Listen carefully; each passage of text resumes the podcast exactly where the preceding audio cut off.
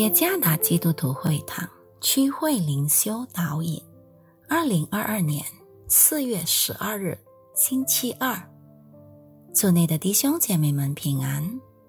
今天的灵修导引，我们将会借着圣经诗篇五十六篇第一到第四节来思想今天的主题。我深信你的话语坚固我。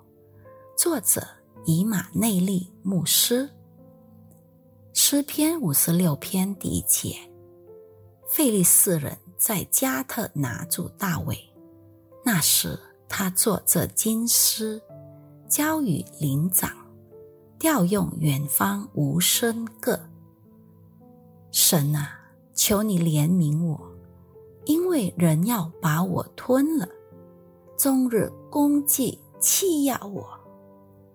我的仇敌终日要把我吞了，应承骄傲攻击我的人甚多。我惧怕的时候要倚靠你，我倚靠神，我要赞美他的话。我倚靠神，必不惧怕。血气之辈能把我怎么样呢？在 NDC 崇拜赞美歌曲。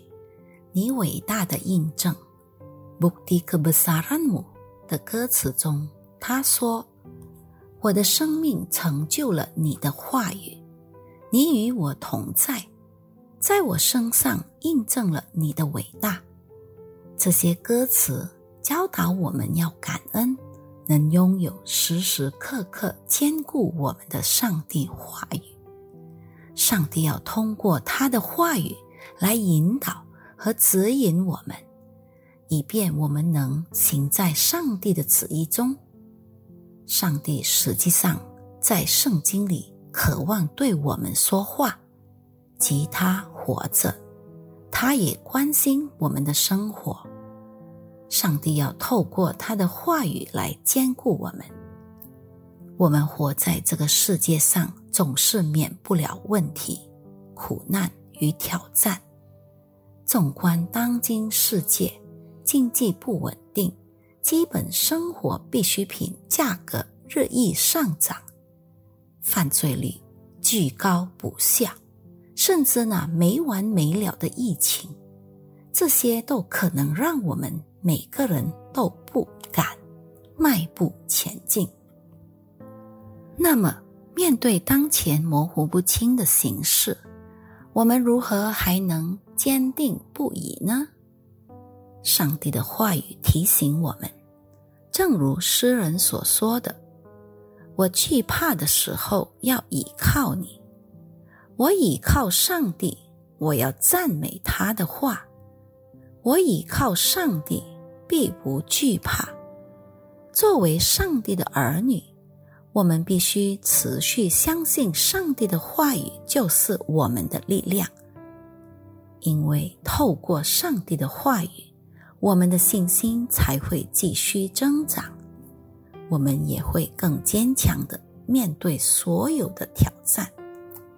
上帝透过他的话语要提醒我们，他总是与我们同在，因此不要惧怕。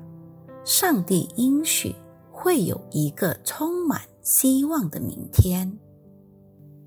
让我们永远持续相信，并将我们的生活完全交托于上帝，因为上帝总是并时时刻刻在任何情况下都引导我们的每一步，无论喜乐还是悲伤，即便我们处在死因的幽谷，他仍与我们同在。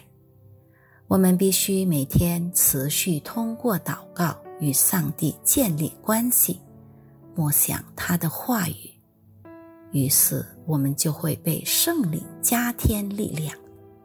这样，我们对上帝的信心和认识就会越来越增长。全然相信上帝和他的话语，将使我们在任何情况下依然坚强不屈。愿上帝赐福于大家。